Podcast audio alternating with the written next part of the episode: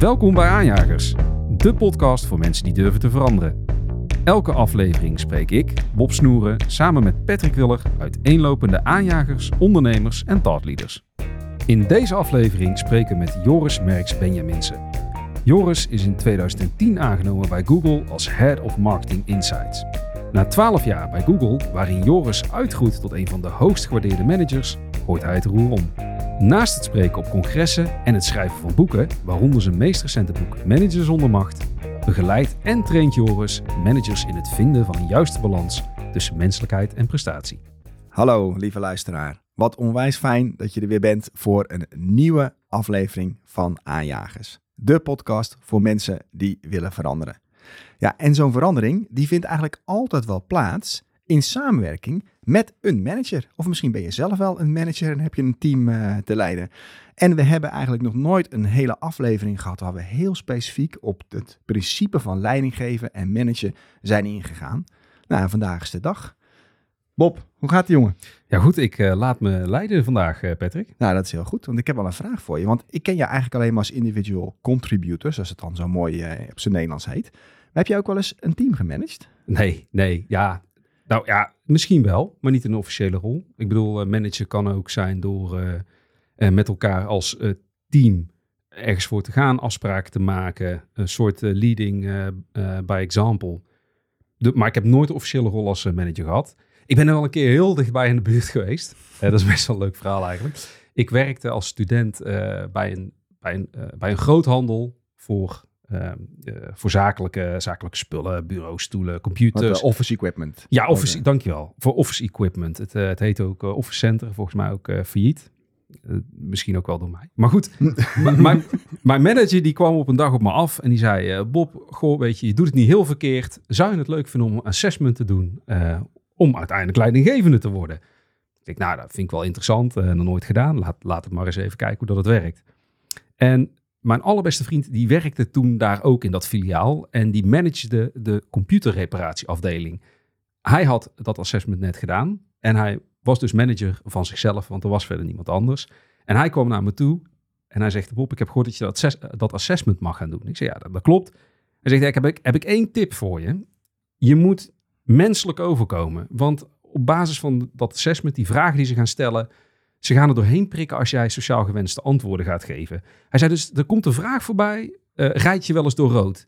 Hij zegt, nou ja, dan moet je gewoon zeggen, ja, ik rijd wel eens door rood. Ik denk, nou ja, weet je, dat principe ook wel te pakken, maar ik ben een hele brave burger. Ik studeerde destijds rechten, ik hield me eigenlijk aan uh, alle regels uh, die ik kende. Reed nooit door rood, in ieder geval niet expres, was altijd op tijd. Maar ik denk, ik ga dat assessment dan zo tussen haakjes menselijk mogelijk invullen. Dus ik maak dat assessment. Uh, en ik kwam de vraag tegen, rij je wel eens door rood? Ja, ik rij wel eens door rood. Uh, ben je altijd op tijd? Ik denk, nee, nee, ik ben niet altijd op tijd. Want anders prikken ze natuurlijk ja, er doorheen. Ja, ja. Nou ja, de conclusie was dat ik door de manager op kantoor werd geroepen na het assessment. En hij, hij keek naar die papieren, hij keek maar, hij zegt, sorry, maar ik, ik kan hier helemaal niks mee beginnen. Er kwam uit dat ik dus uh, regels aan mijn laars lapte. Dus dat je eigenlijk, ja, met mij uh, kon, je, kon je niet zo ver uh, komen. Ik was niet punctueel. Ehm, ik hield niet van details. en ik was vooral met mezelf bezig en niet met anderen. De laatste zou kunnen kloppen overigens. Maar er kwam, ja, omdat ik die test dus, ja, die heb ik gewoon falikant proberen te cheaten door hem zo natuurlijk mogelijk in te vullen.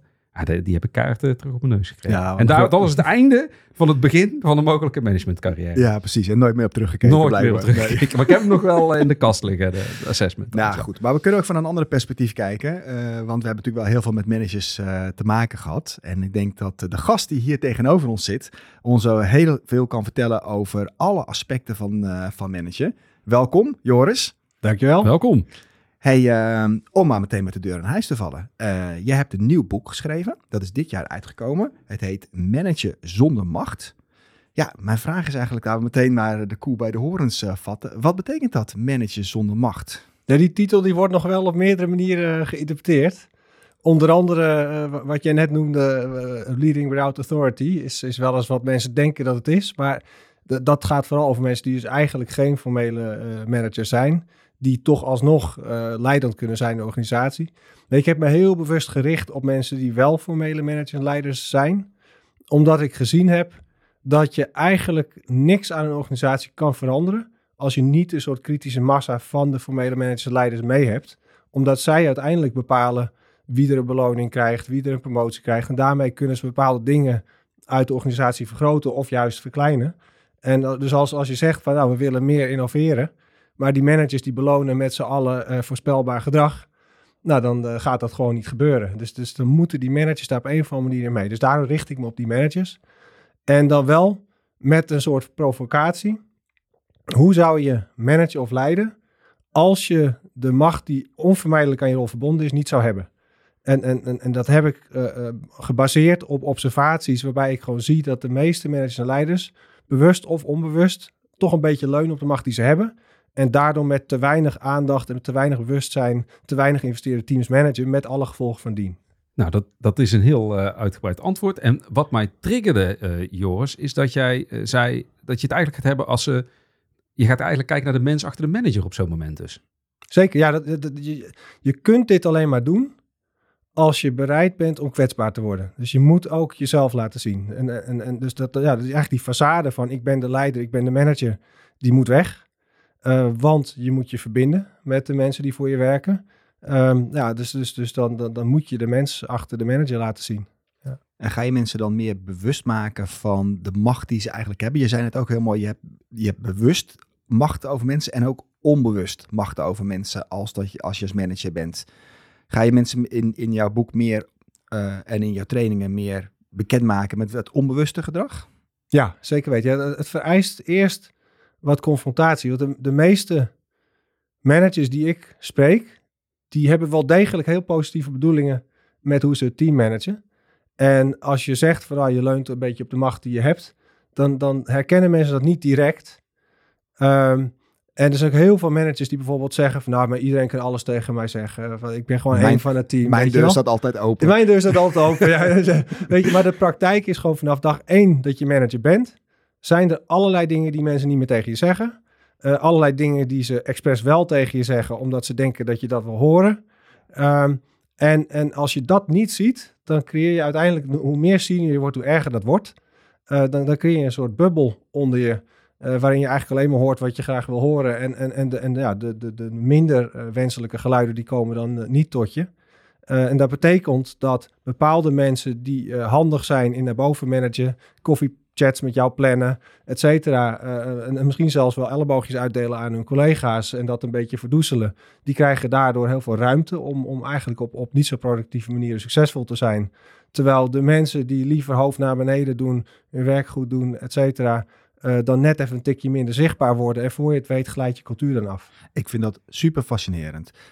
Kan je wat meer handjes en voetjes geven en tips over hoe daarmee om te gaan? Vanuit twee perspectieven. Zowel vanuit die manager, zodat je niet alleen maar een kring van ja-knikkers om je heen krijgt. En dus wel juist die informatie absorbeert. Maar ook van collega-medewerkers, hoe je omgaat met, ja, ik vind het altijd een vervelende medewerker, die dan precies weet hoe die het moet spelen of zij het moet spelen bij de baas, terwijl dan in het team uh, misschien de prestatie achterblijft. Uh, daar hoor ik ook graag tips en tricks over. Maar eerst eerst, hoe doe je het als manager?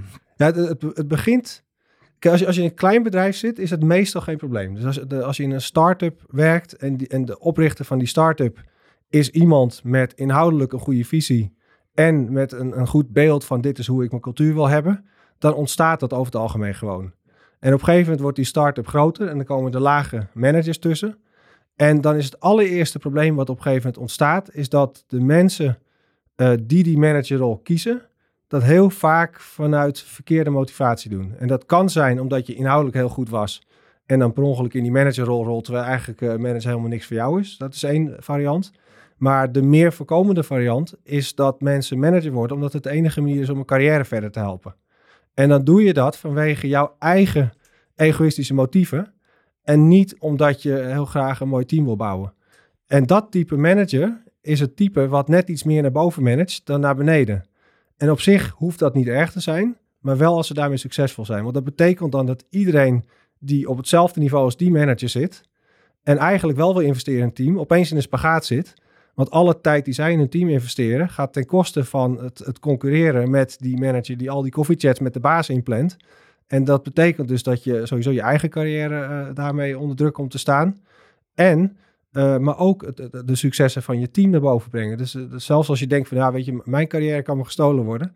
Maar je moet ook gewoon de successen van je team naar boven brengen om resources te krijgen. En je concurreert dan met die egoïstische manager dan. Maar wat doe je daar dan aan? Moet je zorgen dat die mensen al bij voorbaat goed gescreend worden voordat ze op zo'n positie komen. Want als ze daar al zitten, en ze zijn ook goed om koffie te drinken en te slijmen bij de baas om die positie te krijgen. Voor je het weet heb je dan heel snel allemaal van dat soort mensen op binnen je organisatie op cruciale managementposities zitten. Ja, het hangt van de schaal van je bedrijf af. Ja. Weet je? Dus uh, als je dan die start-up hebt, weet je, waar je eerst dan een baas hebt die, die de oprichter is. Op een gegeven moment komt het eerste managementteam daaronder. Ja. Weet je wel? Ja. Nou, die kun je nog gewoon goed krijgen door te zeggen van nou, ik, ik, ik weet precies wat voor soort people manager ik wil hebben. En, en nou, die, die, die zie je dan ook één op één regelmatig. Dus je kunt ook zien of ze dat doorleven. En nou, dan moet je gewoon kritisch zijn wie je selecteert. En daarna goed kijken. Als ze echt niet uh, managen zoals je wilt, moet je ook bereid zijn om ze eruit te zetten als dat nodig is. En daarmee is het dan opgelost. Maar op een gegeven moment heb je vijf of zes lage managers. En dan kun je ze niet meer één op één. Dus dan ontstaat het echt een moeilijke. En wat daar dan heel krachtig is, en dat is iets wat we. Ik heb twaalf jaar bij, bij Google gewerkt. En een van de mooie dingen bij Google vond ik dat teams hun managers twee keer per jaar feedback geven.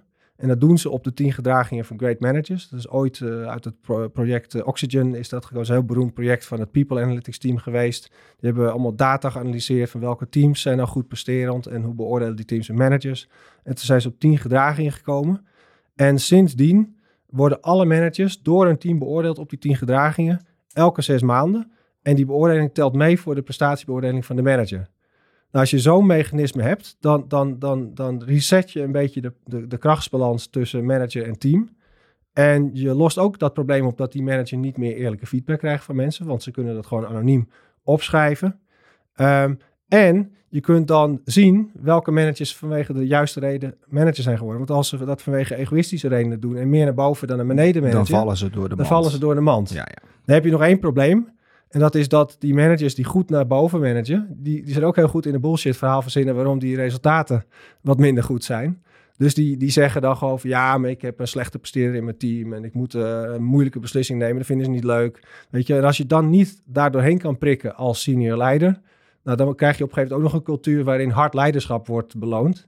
Uh, nou, dan, dan, dan werkt zelfs dat mechanisme niet meer. Maar als je wel heel bewust weet dit is de cultuur die ik wil hebben, dit is het type leider wat daarvoor nodig is, en je hebt zo'n manager feedback survey, dan kun je de slechte managers er gewoon uitfilteren. En als je die dan ofwel omdraait, of uit de managerrol zet, dan heb je die grote groep managers die dus wel wil investeren in het team, eigenlijk uit die spagaat gehaald, dat ze niet meer hoeven te concurreren met, met de egoïstische managers. En die kunnen dan goed investeren in hun teams. En hoe transparant is dat hele proces wat je nu beschrijft? Is dat voor iedereen inzichtelijk? Of hoe transparant adviseer je organisatie dat te maken? Zo 360 graden feedback kiezen, komt heel, is vrij persoonlijk. Ja. Nou, wat, ik ook, wat ik ook voel, kijk, het geven van feedback aan je manager kan anoniem. Hè, dus dat, dat denk ik, dat hou je dan redelijk gesloten wie dat, dat dan doet. In kleine teams lijkt het me ook wel een stuk lastiger om, als je anoniem feedback moet geven en je zit met vier mensen in een team, ja, hoe, hoe open staat de deur naar de manager dan om, om nog steeds anoniem, weet je wel? Dus, ja, het is een drempel. Dus ja. Eh, bij, Google zit het echt in een formeel systeem. En uh, dan moet je team groter dan drie mensen zijn om überhaupt resultaten te kunnen zien. jouw senior leadership kan al jouw resultaten altijd zien.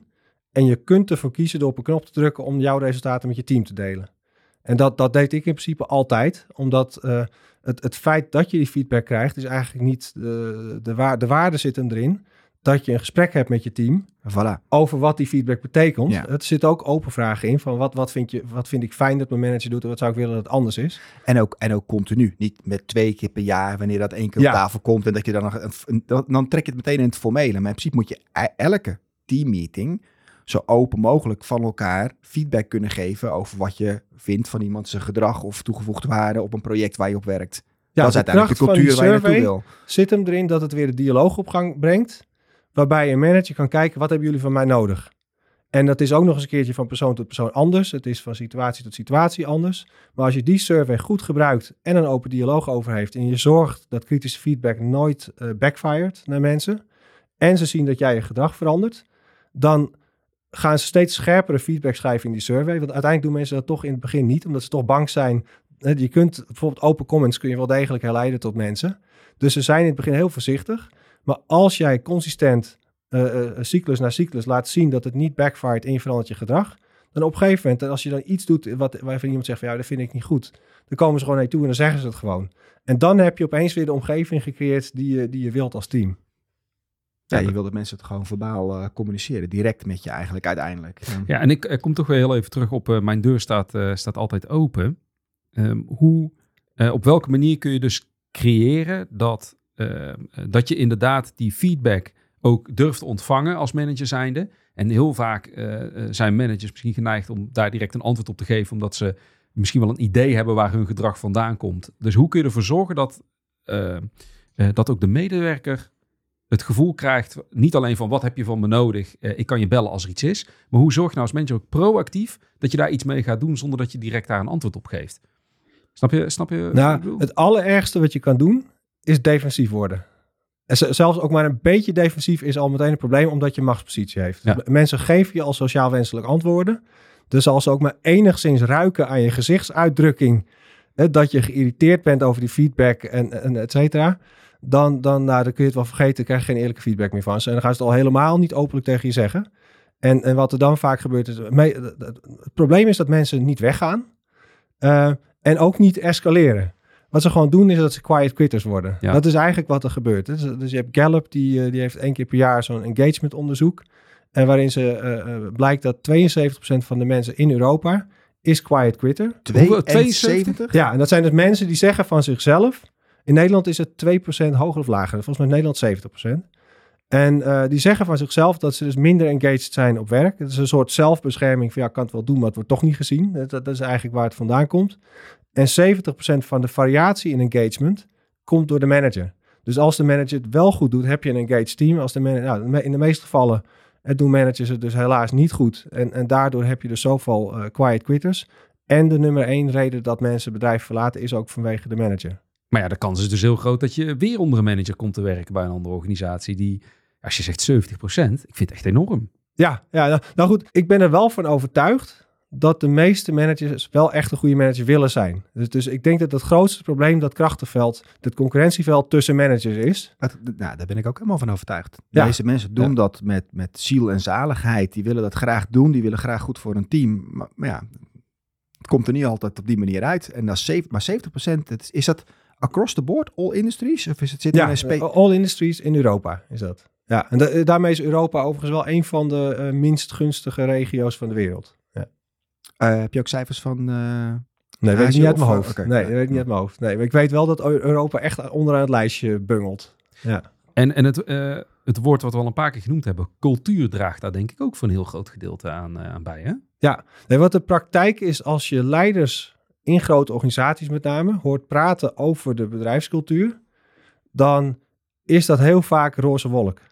Zeg maar. Dus, iedereen kan zich hier thuis voelen, iedereen is hier welkom, et cetera, et cetera. Maar als je dan de engagement survey van het bedrijf pakt en je uh, splitst mannen en vrouwen en je splitst uh, etnische minderheden van meerderheden, dan zie je wel degelijk dat niet iedereen zich op dezelfde manier thuis voelt. En, en mensen weten dat ook. Dus als, als je, als je een, senior leider hoort praten van... oh, we, we zijn zo innovatief met z'n allen.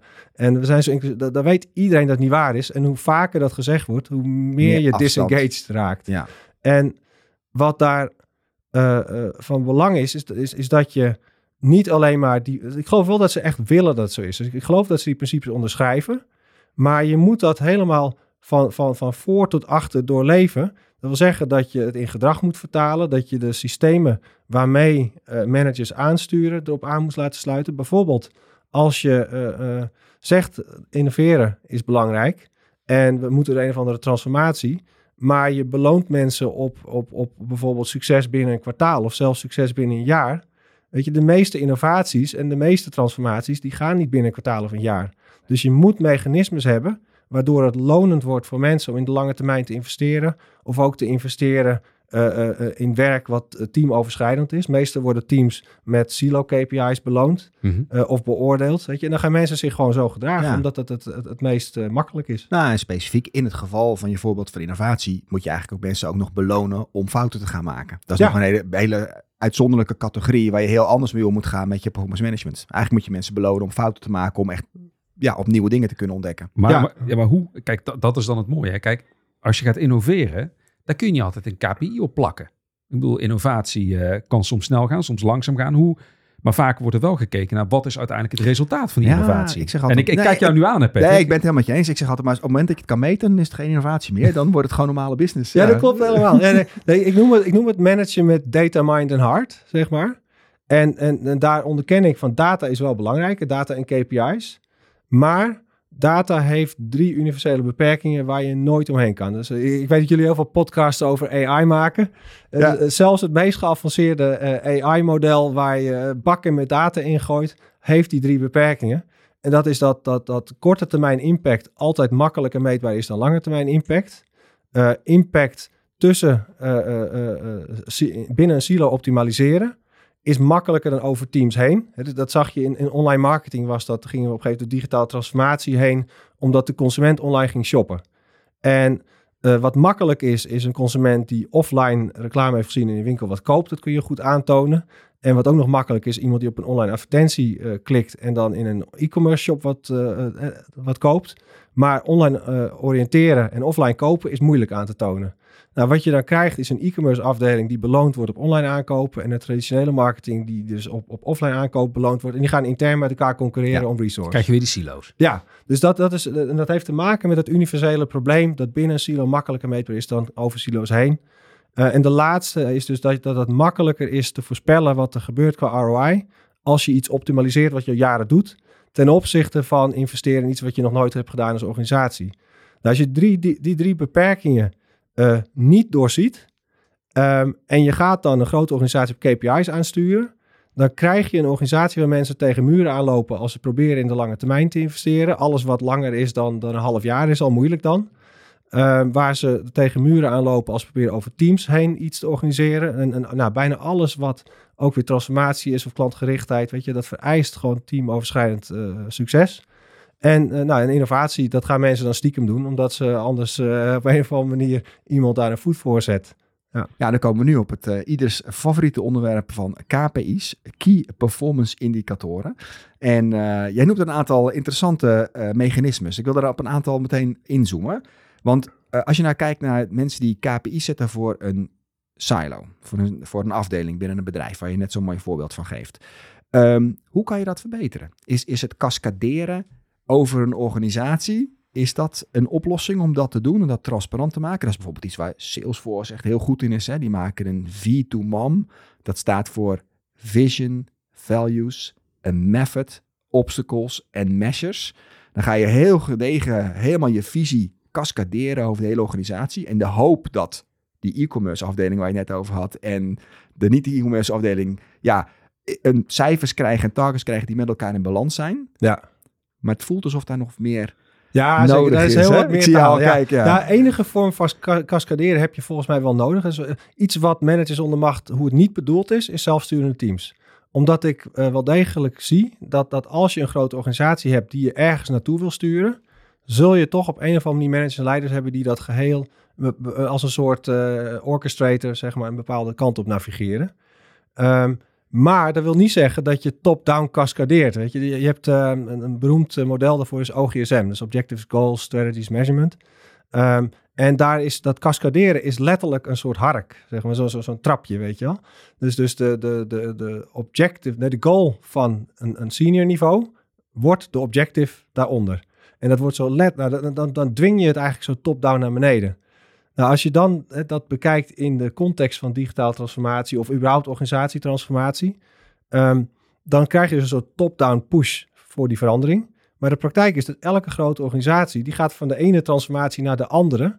En ook heel vaak meerdere transformaties tegelijk. Nou, als je dat de hele tijd top-down naar beneden dan worden mensen verandermoe en dan worden ze ook quiet quitters. ja. Dus je moet een omgeving creëren waarin eh, eigenlijk eh, een soort continu krachtenveld is, waardoor mensen zelf de grenzen van de organisatie pushen, maar dan wel binnen de kaders van de richting waar die organisatie op wil. Ja, dan moet je toch weer de cultuur en de bezieling hebben en de volwassenheid van de managers die dat op een goede manier zelf kunnen invullen in plaats van gewoon kwakkeloos accepteren en naar beneden duwen. Ja, dus het gaat om een soort, soort top-down zit wel de kaders schetsen, een duidelijke visie en richting neerleggen.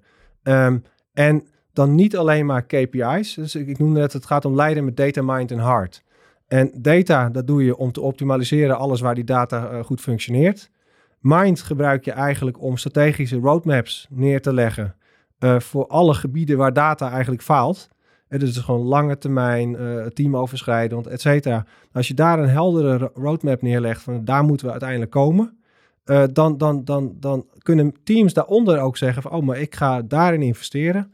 En uh, we hebben een stapje in die roadmap zijn we verschoven. Of we hebben iets geleerd wat helpt om met die roadmap te verschuiven. En dan kunnen mensen dus daarmee aantoonbaar maken dat ze uh, bijdrage hebben geleverd aan het lange termijn plan.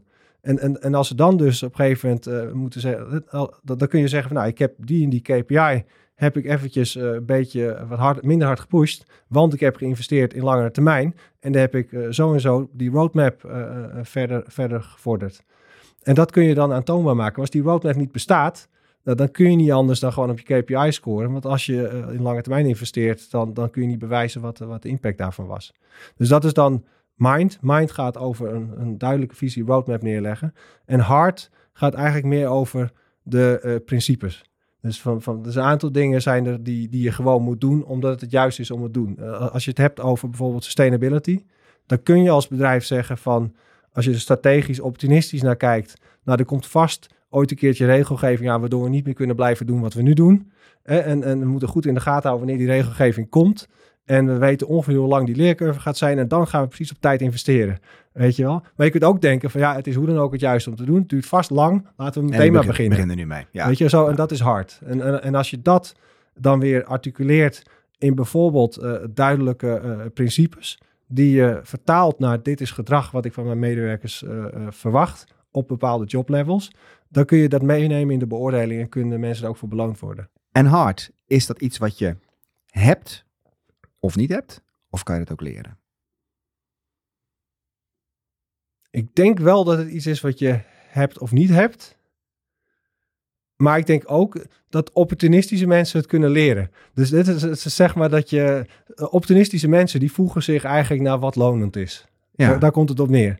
Dus als jij gewoon keihard op KPI's drukt, eh, dan doen ze gewoon uh, datgene wat nodig is om die KPI te halen. Desno desnoods ten koste van sustainability, desnoods ten koste van de klant, desnoods ten koste van een collega. En als het beloningssysteem mooi gebalanceerd is, dan, uh, dan zien ze, oké, okay, het loont nu om dat te doen. En dan kunnen ze dat gaan doen. Dan doe je het misschien wel vanuit opportunistische redenen, maar doe je in ieder geval toch iets positiefs. Ja, nou, dat zou mensen over de streep kunnen trekken. Maar als je een goede leider hebt als manager, die gewoon laat zien en goed kan articuleren waarom bepaalde gedragingen juist nu ook zonder een incentive plaats mogen vinden, kan ook heel erg helpen. Dan zie je gewoon ja, dat iemand het gewoon doet. Dat, nee, de, de, meerderheid verschil je... tussen, dat is ik het verschil tussen een manager en een leidinggever. Ja, ja. Zeggen. ja. Nee, de meerderheid van je managers en leiders moet het gewoon vanuit hun hart doen. Ja. Eh? Maar de praktijk is dat niet iedereen zo functioneert. Dus Capies. het zou een utopie zijn om te denken van dat je alleen maar... Dus je moet wel degelijk in je beloningssysteem op een of andere manier het gewoon lonend maken om de juiste dingen te doen. Eens. En dan heb je al die mensen die het hart op de juiste plek hebben. Die worden gewoon beloond voor iets wat ze sowieso al graag doen. En dan heb je nog een groepje mensen die eigenlijk optimistisch zijn. Die denken, nou ja, prima, dat doe ik ook wel mee. En je hebt nog de hardliners die gewoon uh, überhaupt altijd met hun eigen carrière bezig zijn ten koste van alles. En die kun je accountable houden en eruit zetten. En, en, en, dan, en dan wordt het, op een gegeven moment wordt het het einde van het kwartaal, Joris. En we willen allemaal strategische partnerships met onze klanten gaan opzetten. En een lange, te, lange termijn relatie opbouwen. Maar dan komt het einde van het kwartaal eraan. En dan moet je gewoon die klant, ook al ken je hem maar heel kort, dan moet je die deal binnenhalen. En dan word je ook gepusht om die deal binnen te halen. Rijmt dat nog steeds met het idee wat je net uh, aan het scheppen was? Ja, wat je nu schetst is een heel goed voorbeeld ervan. Dus ik, ik heb zelf heel veel in salesorganisaties uh, gewerkt. En daar werd eigenlijk in alle gevallen werd gezegd, we moeten meer consultative zijn. We moeten diepe partnerships ja. met de klant. We moeten de klant helpen met hun probleem. En vervolgens hadden we een kwartaaltarget op productniveau. Ja, ja. En dat, betekent dat mensen gewoon op korte termijn producten door de strot van die klant duwen die ze misschien niet nodig hebben. En dan overtuig je die klant dat ze het wel nodig hebben. Pas later ontdekken ze dat er een probleem is ten koste van de klantrelatie. Waardoor je op lange termijn minder uit die klanten haalt. Niet meer dat probleem van die nou, persoon. Ja. Met, met ja. een beetje geluk zit er dan een andere accountmanager ja, die het probleem oplossen. En dan zijn die mensen die, die dat probleem veroorzaakt hebben, die zijn al lang al naar een volgende promotie. Dus die, die investeren in, in, in, in dingen die ze helpen naar een volgende promotie ten koste van wat er daarna gebeurt. Eh, of, of, of ze investeren in hun eigen target ten koste van, eh, da- daarna komt vaak een klant bij, als je een project beloofd hebt, komt bij een ander team terecht, die moet het waarmaken. Ja. En die zitten dan met problemen opgescheept. Eh, dat- dat- die targets moet je aanpassen. Weet je? Dus stel dat je inderdaad een acquisitieteam hebt en je hebt een account management team.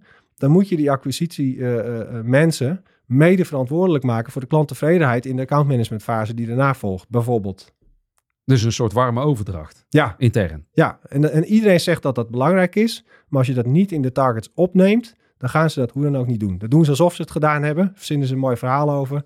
Halen een target op en daarna gaan ze weer door naar het volgende. Maar dus ook weer gekoppeld aan die cultuur. Want daar wil ik nog even naar terugkomen. Want je hebt twaalf jaar bij Google gewerkt. En in je boek schrijf je ehm, dat je een zoektocht hebt gedaan naar de echte Google-cultuur. En die heeft je volgens jouw eigen zeggen dus jouw zes jaar extra tijd bij Google opgeleverd. Ja, klopt. ik ben er twaalf jaar geweest.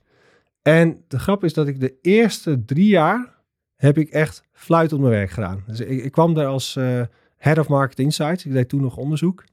En eh, onderzoek naar verschuivend consumentengedrag, cross-media ROI, marketing ROI, dat soort onderwerpen.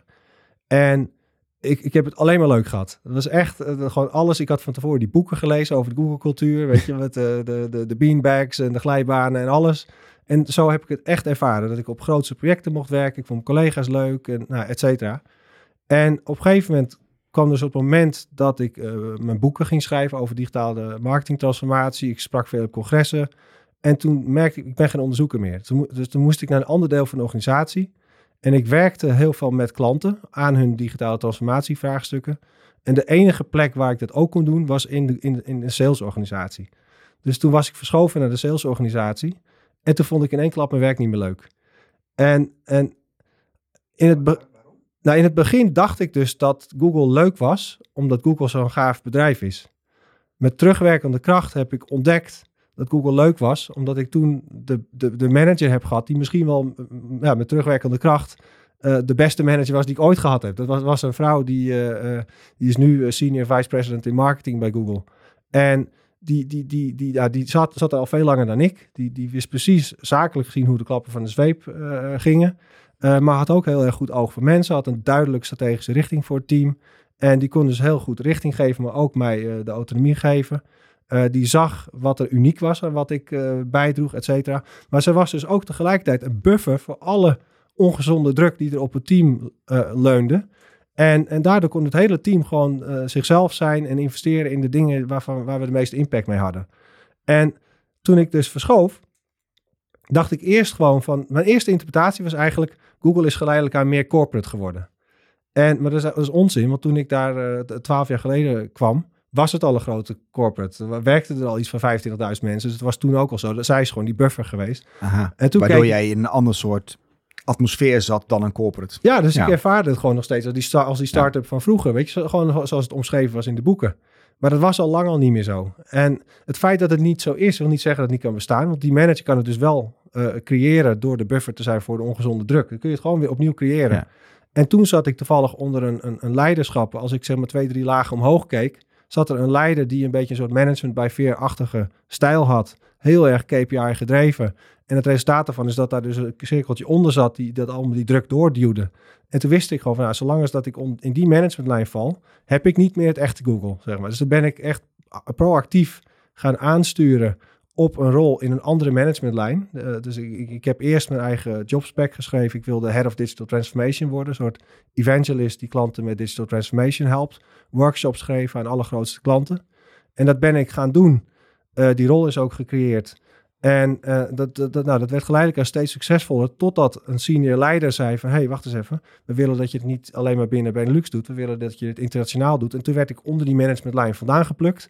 kwam ik in een andere managementlijn terecht.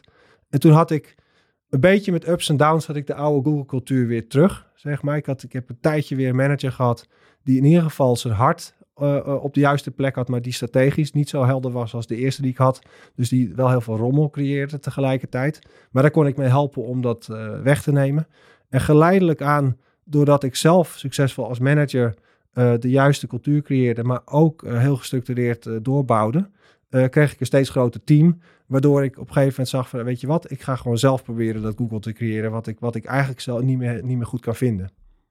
En hoe, hoe was het om je eigen, want je zei het heel, heel kort uh, tussen neus en lippen door, die, die jobspec die je zelf geschreven hebt, eigenlijk je eigen nieuwe, nieuwe rol gecreëerd. Ja, dat, daar lijkt me ook een stukje durf in zitten. En misschien heb je ook wel het gevoel gehad dat je wegliep eigenlijk van, uh, van hetgeen wat je, wat je moest doen. Of hoe, hoe, is, hoe ben je zo ver gekomen? Is het een grote drempel voor je geweest? Ja, het, het, het, wat er speelde is dat ik, ik was zodanig ongelukkig in mijn rol op dat moment, dat ik al extern aan het solliciteren was. Oké. En uh, ik, had dus, ik had echt al gesprekken. En, um, en tijdens die gesprekken realiseerde ik me gewoon van, ja, wacht eens eventjes. Ik, die, die eerste drie jaar vond ik het gewoon hartstikke gaaf, weet je wel. En, en, en nu heb ik opeens een hele andere ervaring, weet je. Dat moet toch ook wel weer kunnen. En, en, uh, en, en dus ben ik wel door blijven solliciteren, maar ik ben ook dus actief gaan investeren in mijn interne netwerk. Uh, en eigenlijk datgene doen waarvan ik dacht dat dit verwachten klanten van Google. En nou, uiteindelijk was het net op tijd dat die rol gecreëerd werd, waardoor ik uiteindelijk dacht van ja, als die rol gecreëerd wordt, dan wil ik het nog wel eventjes proberen, weet je wel. En nou, en toen kwam het weer zo'n moment dat ik op een gegeven moment merkte van nou, ik loop vast. En het ging weer net op tijd, was er een senior leider die zegt ja, maar we gaan jouw rol nu Noord-Europees maken. En nou, het, zo ging het de hele tijd door eigenlijk. Van, ik, ging steeds uh, een soort, soort funnel in, waarvan ik dacht van ja, hoe lang blijft het nog leuk? Begon ik extern te solliciteren. En dan ging er weer net op tijd een deur open. Dus ik bleef wel steeds investeren in wat ik echt dacht dat het juiste was om te doen. En elke keer ging weer eventjes een deur open. Denk jij dat uh, die deur die open ging, dat dat toeval was? Of dat misschien andere mensen intern ook wel zagen dat je misschien zoned out was? Dat je bij die 72 procent uh, uh, mensen ging behoren die ja, een soort quiet quitter was? Dat, dat heeft te maken doordat dus de, het kernprobleem in dit soort grote organisaties, dat mensen weten eigenlijk wat er moet gebeuren. En ze doen het systematisch toch niet. En ze vinden het jammer dat ze het niet doen. Ja, dat, dat is de moloch uh, ook wel genoemd. Hè? Ja. Eigenlijk iedereen blijft op een bepaalde manier toch het systeem in stand houden. Ja, en dat, dat is op allerlei vlakken. Dat is op, niemand vindt bedrijfspolitiek leuk. En toch moet je er op een of andere manier meedoen, want anders dan schiet je jezelf in je voet. Ja. Uh, iedereen zegt we moeten met z'n allen klantgerichter zijn, maar als je, ja, je, uiteindelijk wil je toch ook je target halen. Weet je wel, zo zijn er van allerlei van dat soort dingen. En, en doordat mensen dan toch die route kiezen van, van uh, ja, ja ik, ik, moet dat toch maar meedoen, dat demotiveert mensen.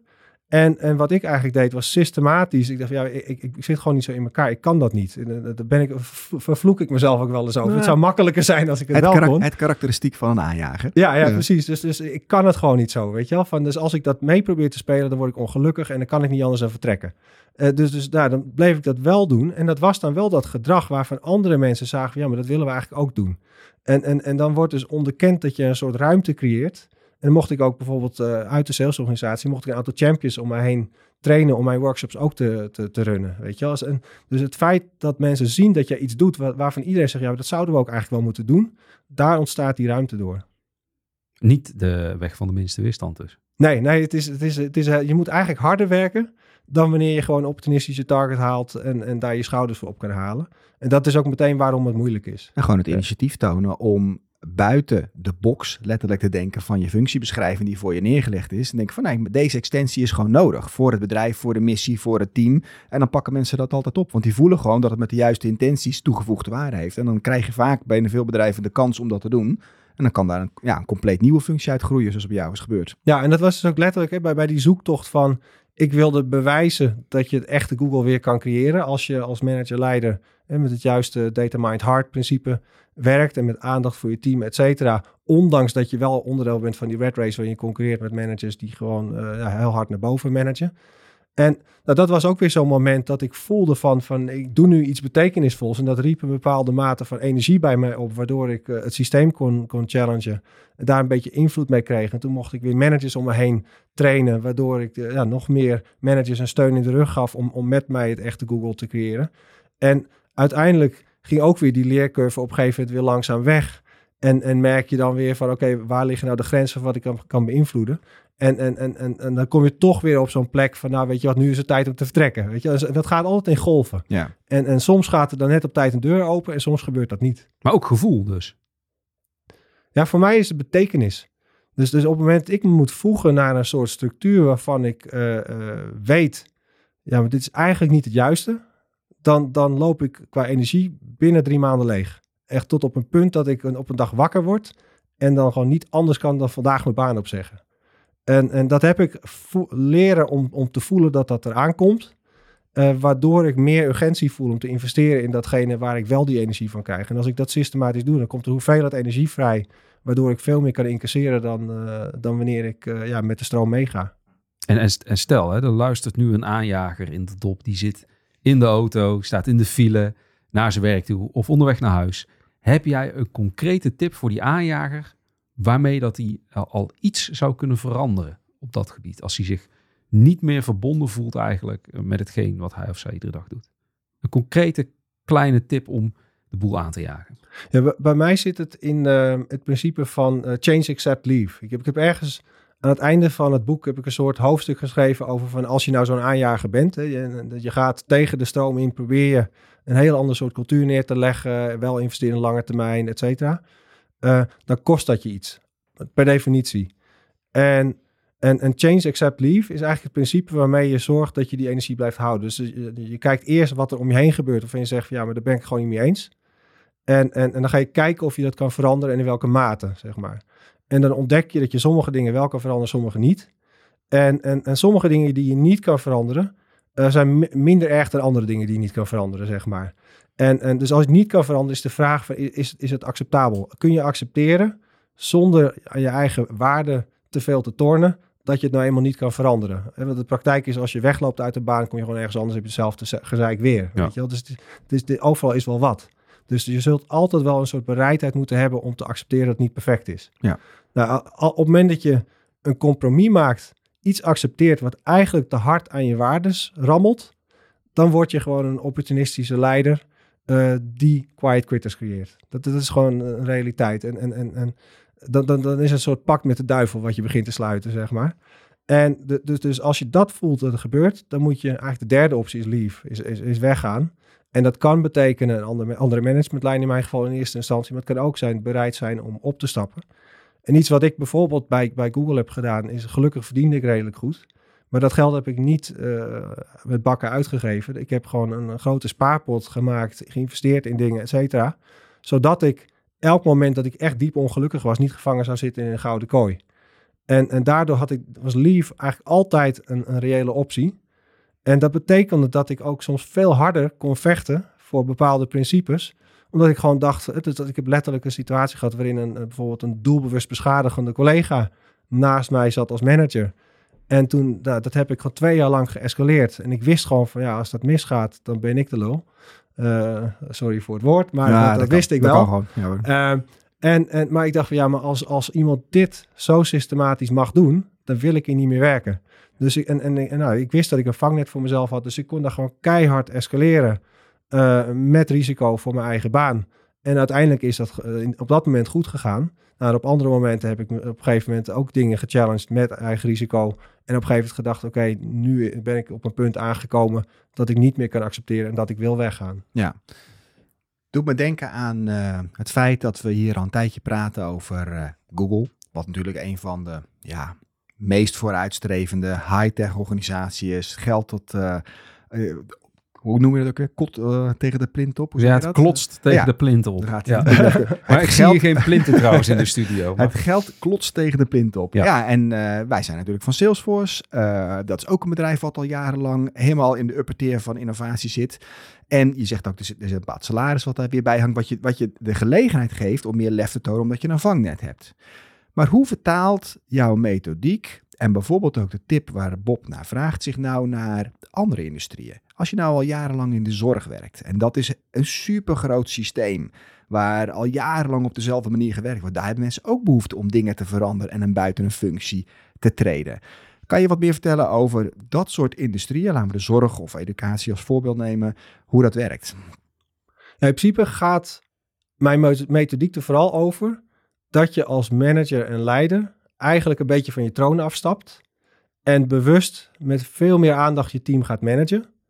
Um, en dat wil zeggen, aandacht voor de individuen. Dus, dus mensen op persoonlijk vlak echt leren kennen, waar ze energie krijgen, van krijgen, waar minder energie van, et cetera. Maar ook investeren in, in richting en verwachtingen duidelijk maken. Investeren in hè, regelmatig tijd met ze besteden, waardoor je eh, voortgang eh, goed kan zien en misschien meehelpen op bepaalde dingen. Als iemand vastloopt, eh, op tijd ondersteunen. Als iemand lekker gaat, vrijheid geven en op het juiste moment even een compliment geven.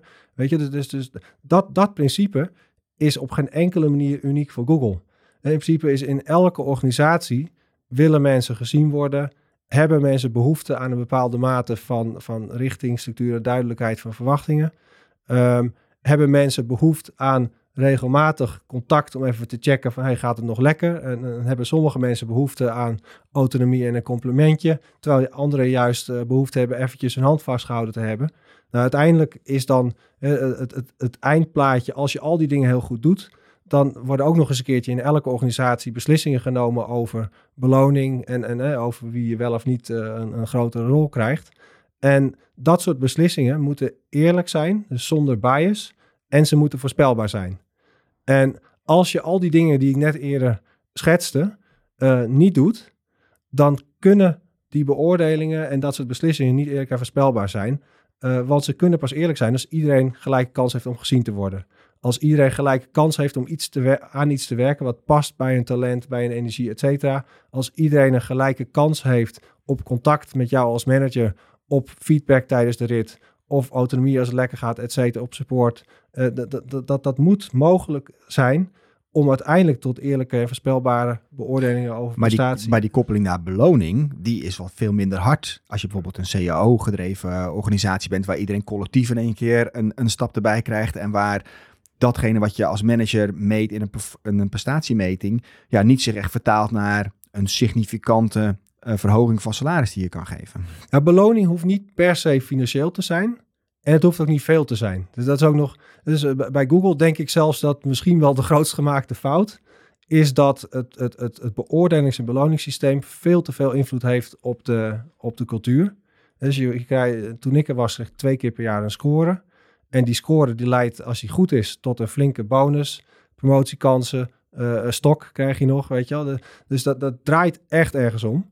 En daarnaast hebben ze ook nog een soort uh, curve waar iedereen op geplot moet worden. Dat wil zeggen, als, als één team hoger scoort met z'n allen, moet een ander team lager scoren. Dus je creëert ook nog een spanningsveld tussen mensen. En op een gegeven moment gaat, dan dat, dat beloningssysteem, neemt de cultuur over. En dat is ook weer niet goed. En dus wat je uiteindelijk gewoon wil, is dat, dat mensen uh, die een stapje extra zetten, het gevoel hebben dat ze gezien worden, dat ze zich uh, gewaardeerd voelen. En dat kan met een, een, een, een kleine extra financiële beloning. Maar het kan ook een compliment zijn. Het kan ook een, een, een dinerbon zijn. Het kan ook uh, de kans om op een speciaal project te werken zijn. Weet je, dat kan van alles en nog wat zijn. Als ze zich maar gezien en gewaardeerd voelen. Dat is waar het om draait.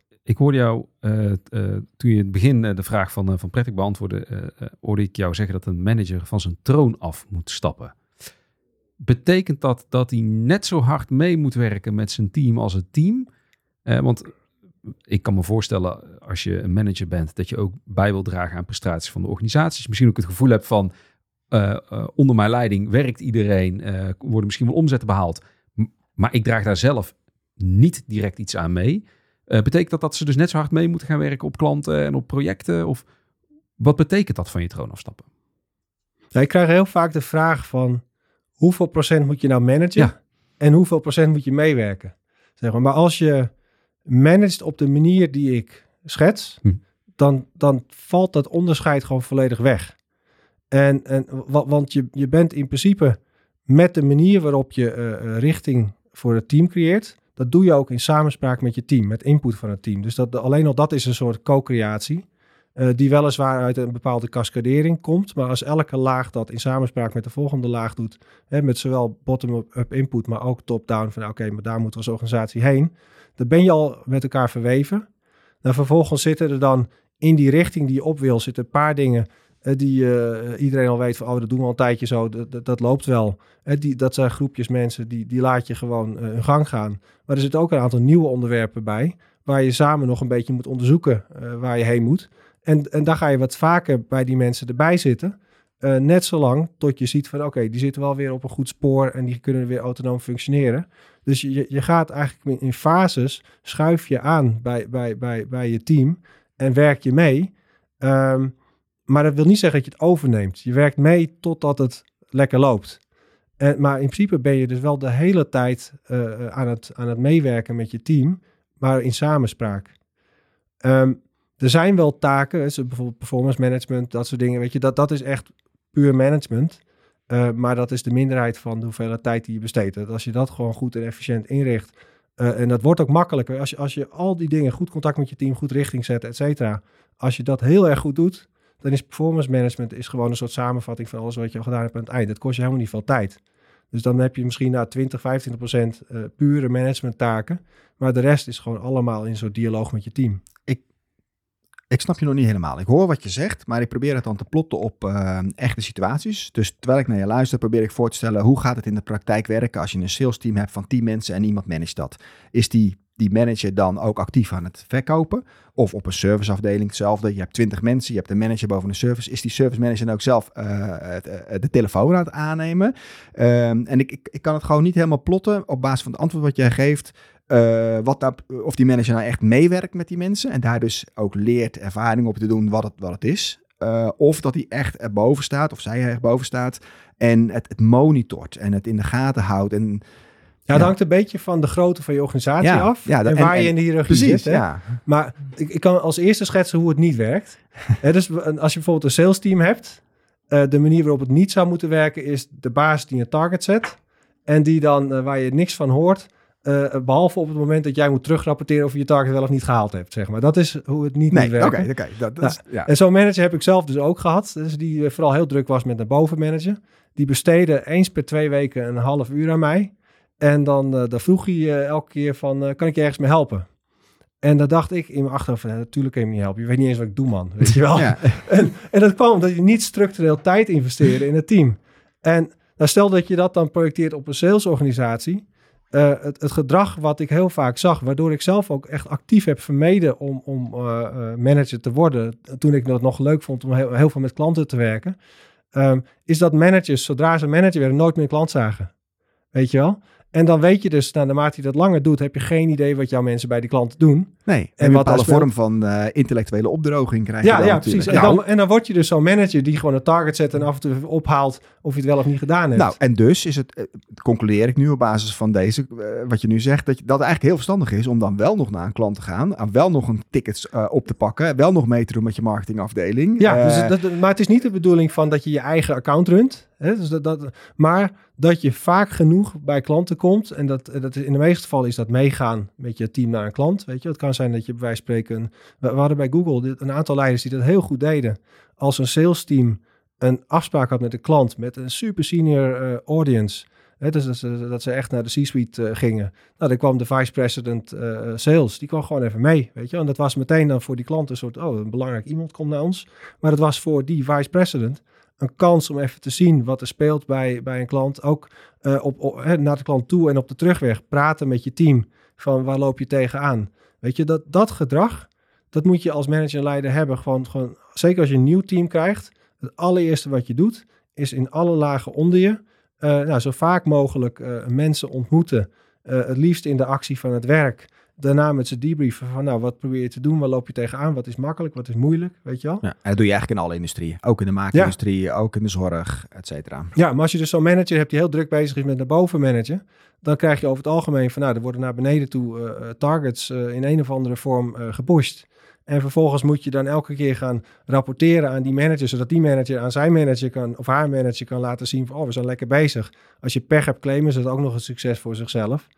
Um, en ja, dat, dat, als je dat bijvoorbeeld in een salesorganisatie doet, dan kun je dus een, zo'n situatie waarbij als er dan een keertje paniek is over het salesresultaat, dat mensen zo hard naar binnen moeten rapporteren dat ze niet eens meer tijd hebben om naar de klant te gaan. Wat is nou het allerslechtste voorbeeld van managen wat je ooit hebt mee mogen maken? Moet ik even goed over nadenken. Dat mag. Ja. Zijn het er heel veel of zijn het er heel weinig dat je zo lang moet nadenken erover? Ja, het zijn er sowieso heel veel. het, het, meest voorkomende probleem is gewoon uh, een manager die dus inderdaad uh, een onvoldoende zicht heeft op wie, wie zijn teamleden zijn of haar teamleden zijn, wat ze doen, wat moeilijk is, wat makkelijk is. En, en, en daardoor eigenlijk veel te laat signaleert als mensen ergens tegenaan lopen. Nou, wat, wat, wat denk ik een goed voorbeeld is van wat ik echt slecht management vind, ehm, is mensen komen in een team, krijgen in principe te weinig ondersteuning, ehm, functioneren daarom net niet helemaal lekker en krijgen dan te horen van, oh je bent te lopen voor schrikken zich dood, eh, komen in een negatieve spiraal en worden er vervolgens uitgewerkt. Weet je, dat is echt iets dat gebeurt aan de lopende band in grote commerciële bedrijven. En 9 van de 10 keer zijn die mensen helemaal geen low performers. Zijn gewoon mensen, als je die wat vroeger eh, goed had ingewerkt, uh, even goed uh, op de bal had gezeten van, goh, zijn ze lekker bezig of niet? Moeten ze misschien toch op een ander project, et cetera? Waren ze nooit in zo'n negatieve spiraal terechtgekomen? Uh, en als dat wel zo is, dan is het 9 van de 10 keer gewoon een, een goed persoon in een verkeerde rol. En als je daar even goed mee bezig gaat, kun je ze in een rol zetten waar ze wel in de kracht staan.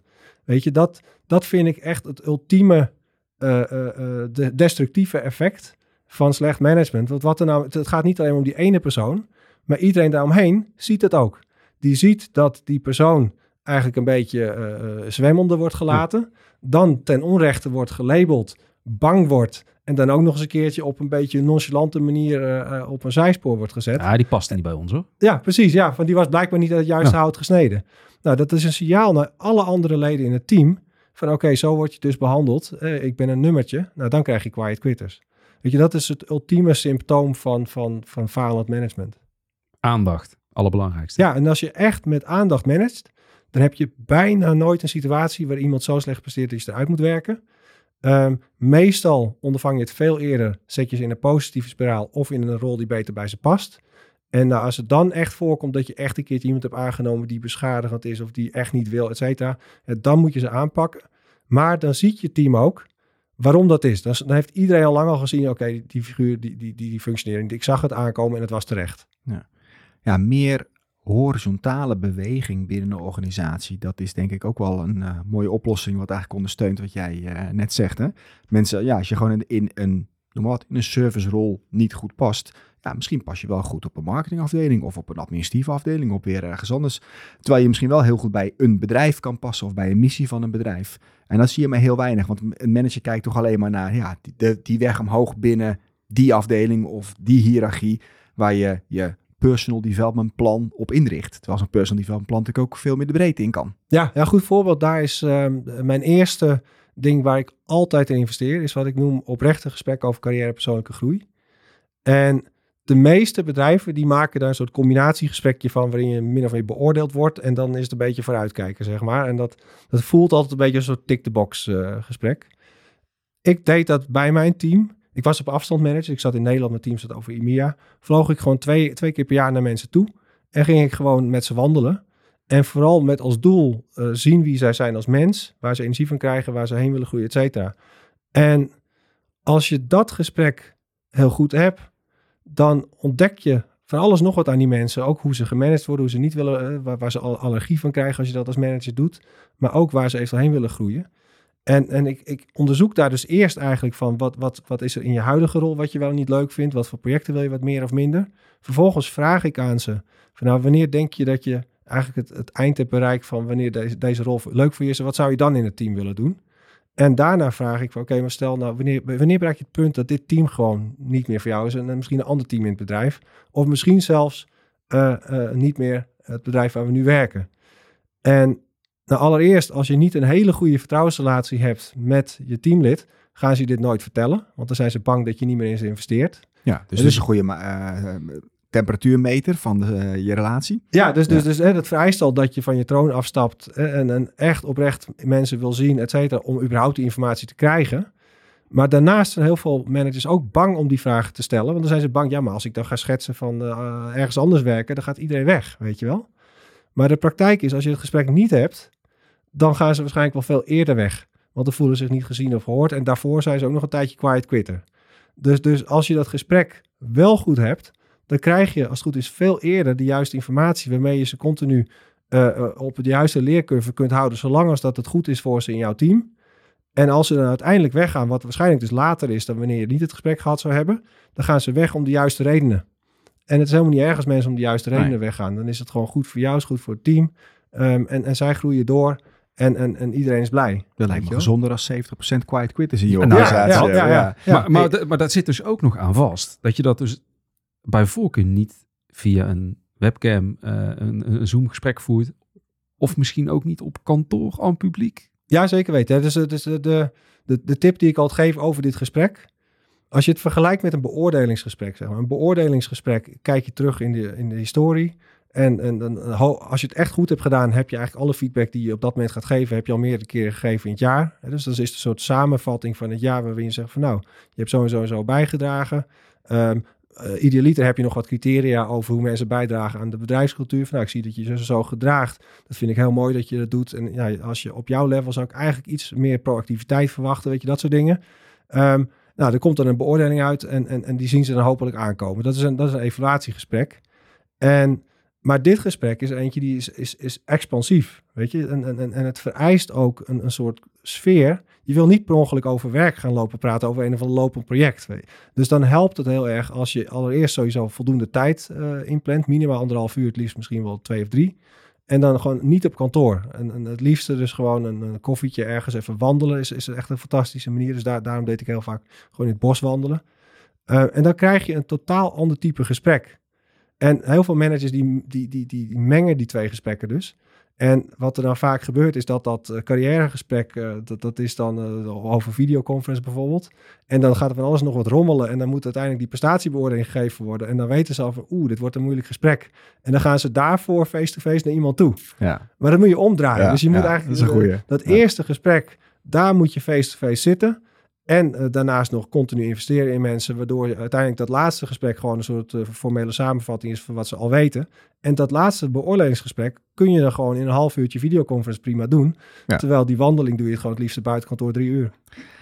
Hey Joris, jij uh, hebt al die jaren bij, bij Google gezeten. een van de best gewaardeerde managers geweest. Maar je bent nu dik half jaar daar weg, iets langer al. Je hebt een mooi boek geschreven. Je bent allerlei training aan het geven.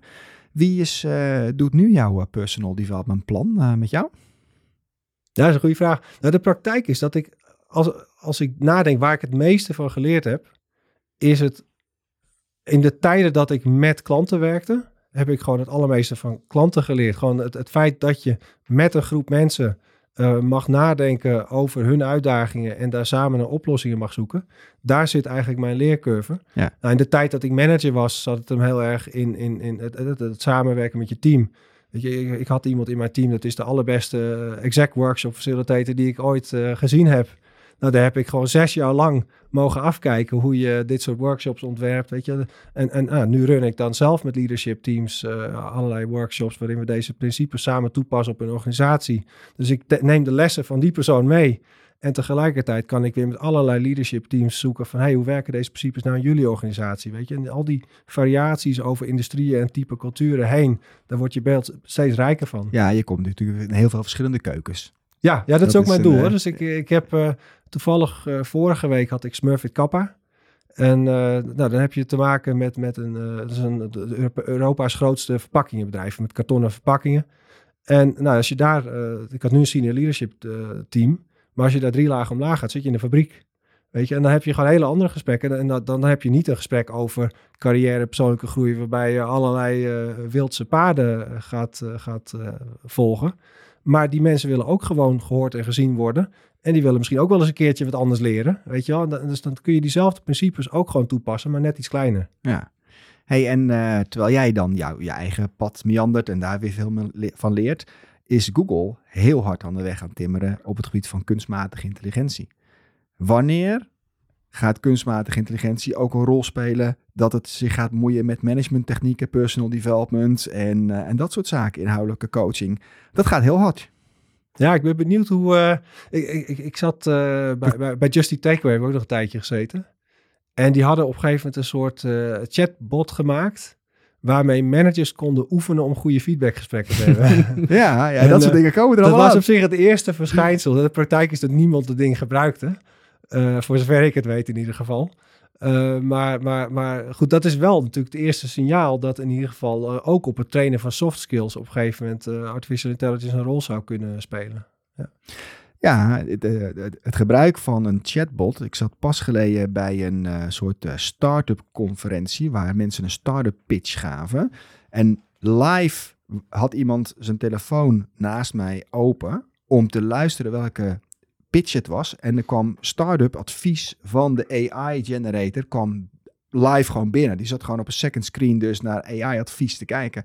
Nou, zo moeilijk is het ook niet om dan, zou ik maar zeggen, te praten met AI over je carrière en dat als een soort derde uh, adviseur in die conversatie te hebben. Ja, ja, ja, je zou het ook als een soort opwarmer kunnen gebruiken, wij spreken. Dus dat, dat mensen eerst met een soort AI-bot een beetje zelf al reflecteren en om vervolgens daarna met jou een soort uh, gesprek te hebben waarin, uh, waarin ze al opgewarmd uh, aankomen en in ieder geval ergens over nagedacht hebben. Ja, ja. ja dat is de toekomst. Maar er wordt nu al heel veel geforecast door middel van AI. Want we, we hebben het nu over generative AI, hè? een chatbot bijvoorbeeld. Maar het predictive AI, het voorspellende weergave van, van de toekomst, ja, dat wordt volgens mij toch al ja, jarenlang toegepast. Dat, dat is dus AI is al zit er al helemaal in, in die, management, joh. Ja, daar zit daarom kijk ik ook allemaal naar die KPI's natuurlijk. Ja, heel belangrijk. Het, ik gebruik nu bijvoorbeeld uh, ChatGPT en BART gebruik ik om uh, competenties te schetsen. Dus als je zegt van, ik vind leading through ambiguity, vind ik belangrijk, dat, dat dat onderdeel wordt van onze organisatie. En dan kun je gewoon zeggen van, nou, schrijf maar op wat leading through ambiguity betekent in gedrag op 10 job levels. En dan, uh, nou, dan krijg je dus uh, vanaf junior tot senior, krijg je gewoon letterlijk in gedrag omschreven van, nou ja, op jouw level zou ik verwachten dat je zo zo kan. En dat is weer heel erg belangrijk bij het, het, het, het zetten van verwachtingen. Van nou, op jouw level verwacht ik dat je zo zo gedraagt. Zodat je uiteindelijk dan in je beoordeling eerlijk en voorspelbaar kan zijn. Dus dat, dat je niet iemand die toevallig een paar koffiechats met jou heeft, heeft, heeft gepland hoger beoordeelt. Maar dat je gewoon bij iedereen dezelfde standaarden gebruikt. Die ze allemaal kennen. En gewoon heel gericht kan aanwijzen van, nou ja, je hebt zo, zo en zo je beloning op basis van deze principes en die criteria. En nou goed, dat, dat, dat, dat, dat, dat kan ik dus nu al met uh, ChatGPT en BART. Ja. Joris, nog, uh, nog één laatste vraag. Ik ben heel erg nieuwsgierig waar een man als jij nou de inspiratie vandaan haalt buiten datgene wat je op je werkveld ziet. Zijn er hele nieuwe organisaties? Want Google is natuurlijk een jonge organisatie, maar ook alweer groot, het is een corporate. Wat zijn de allernieuwste methodes voor het managen, uh, nieuwe bedrijven? En waar haal jij al die kennis vandaan? Uh... Nou, de praktijk is wel dat ik, dat ik alles wat ik doe, is wel gebaseerd op, op observaties hoe mensen met elkaar interacteren. Weet je, dat is, dat, dat is eerst geweest van, nou, je werkt met allerlei organisaties op digitale transformatievraagstukken. Eh, bijvoorbeeld die online en die offline marketingafdeling. Die zeggen met z'n allen, we moeten door digitale transformatie. Ze hebben alle kennis die je maar kan bedenken en ze doen het toch niet. En vervolgens valt het kwartje. Ja, die zijn gewoon intern met elkaar aan het concurreren. En die chief digital, die krijgt een steeds groter team. En die eh, CMO, die krijgt een steeds kleiner team. En uiteindelijk wordt die chief digital een keertje de CMO. En dat is eigenlijk het grote probleem waardoor het niet loopt, weet je wel. En, en nou goed, dat soort gedrag in allerlei industrieën steeds maar weer opnieuw observeren. Dan ga je op een gegeven moment die, die patronen zien. En wat ik prettig vind aan die manier van werken is dat je dus niet met een of andere theorie of visie aankomt, uh, maar dat het echt doorleefd is uit de praktijk. Want de praktijk is dat je kunt wel zeggen van, oh, we moeten meer empathie en we moeten meer dit, maar, maar accountability is ook belangrijk, weet je wel. En oh, teams moeten meer vrijheid. Ja, maar structuur en richting is ook belangrijk. En, en je moet al, al die dingen ook nog allemaal tegelijk doen onder druk. En daar zit de moeilijkheid. De moeilijkheid is niet om te zeggen, in principe zouden we meer zus of zo moeten. De moeilijkheid is hoe doe je al die dingen in de juiste balans, in je gedrag en niet in woorden. Weet je, ondanks alle druk die er heerst. En uh, dat, dat, dat, dat kun je eigenlijk alleen maar leren door in de praktijk te staan met zoveel mogelijk teams en bedrijven en organisaties als mogelijk. En al je sensoren gewoon open te zetten. Ja, dus ik wil dus ook echt, ik zou heel graag, ik vind aan de ene kant start-up scale-ups heel leuk. Uh, want daar kun je eigenlijk, uh, daar is de cultuur nog goed. Maar die komen op een gegeven moment op een punt dat ze wel weten van ik moet een beetje meer structuur hebben. Maar je wil niet vervallen uiteindelijk in die politieke corporate. En, en nou, daar kan ik dus redelijk snel gewoon net genoeg structuur aanbrengen, waardoor je consistentie krijgt van beoordelingen, leiderschap, et cetera. Maar zonder een bureaucratie te worden. En dan kun je zo lang mogelijk doorschelen. Dan heb je meteen impact. Maar ik vind het ook heel leuk om dus uh, juist, uh, de Belastingdienst, dat staat echt wel op mijn lijstje, dat ik denk, ik ben heel benieuwd hoe dat zou zijn. Weet Even orde op zaken stellen. Ja, gewoon, die hebben dus inderdaad, ja, die werken met de CAO, dus die kunnen waarschijnlijk niet heel makkelijk belonen. Het schijnt heel moeilijk te zijn om de mensen te ontslaan, weet je wel. En nou, dat, hoe je in zo'n cultuur toch een beetje beweging creëren, kan creëren op basis van die principes, dat lijkt mij heel boeiend om te doen, weet je. Dus nou juist die, die stretch, dat, dat hele spectrum wil ik het liefst doen. Ja, super. Je bent wat mij betreft een echte aanjager, eh, Joris. En heel erg bedankt dat je al jouw kennis met ons wilde delen. Uh, dit staat ook allemaal in het boek uh, Managen zonder macht. het is absoluut een aanrader voor iedereen die een team leidt. Maar ook als je zelfs niet eens een team leidt, is het heel interessant om te begrijpen hoe de dynamieken binnen een organisatie lopen. Dat beschrijf je ook allemaal aan de hand van modelletjes. Ja, iedereen heeft wel eens een manager gehad, hè? Dus ja, ik denk dat iedereen wel dingen herkent. Ja, ja precies. Dankjewel. Ja. Dankjewel, Joris. Dankjewel. Ho, zet hem nog niet uit. Heb nog één kleine mededeling. Normaal gesproken vragen we altijd om je deze podcast te delen. Maar met deze aflevering is het heel duidelijk. Deel de aflevering met je baas of de baas van je baas. En dan doe je jezelf en iedereen een heel groot plezier mee.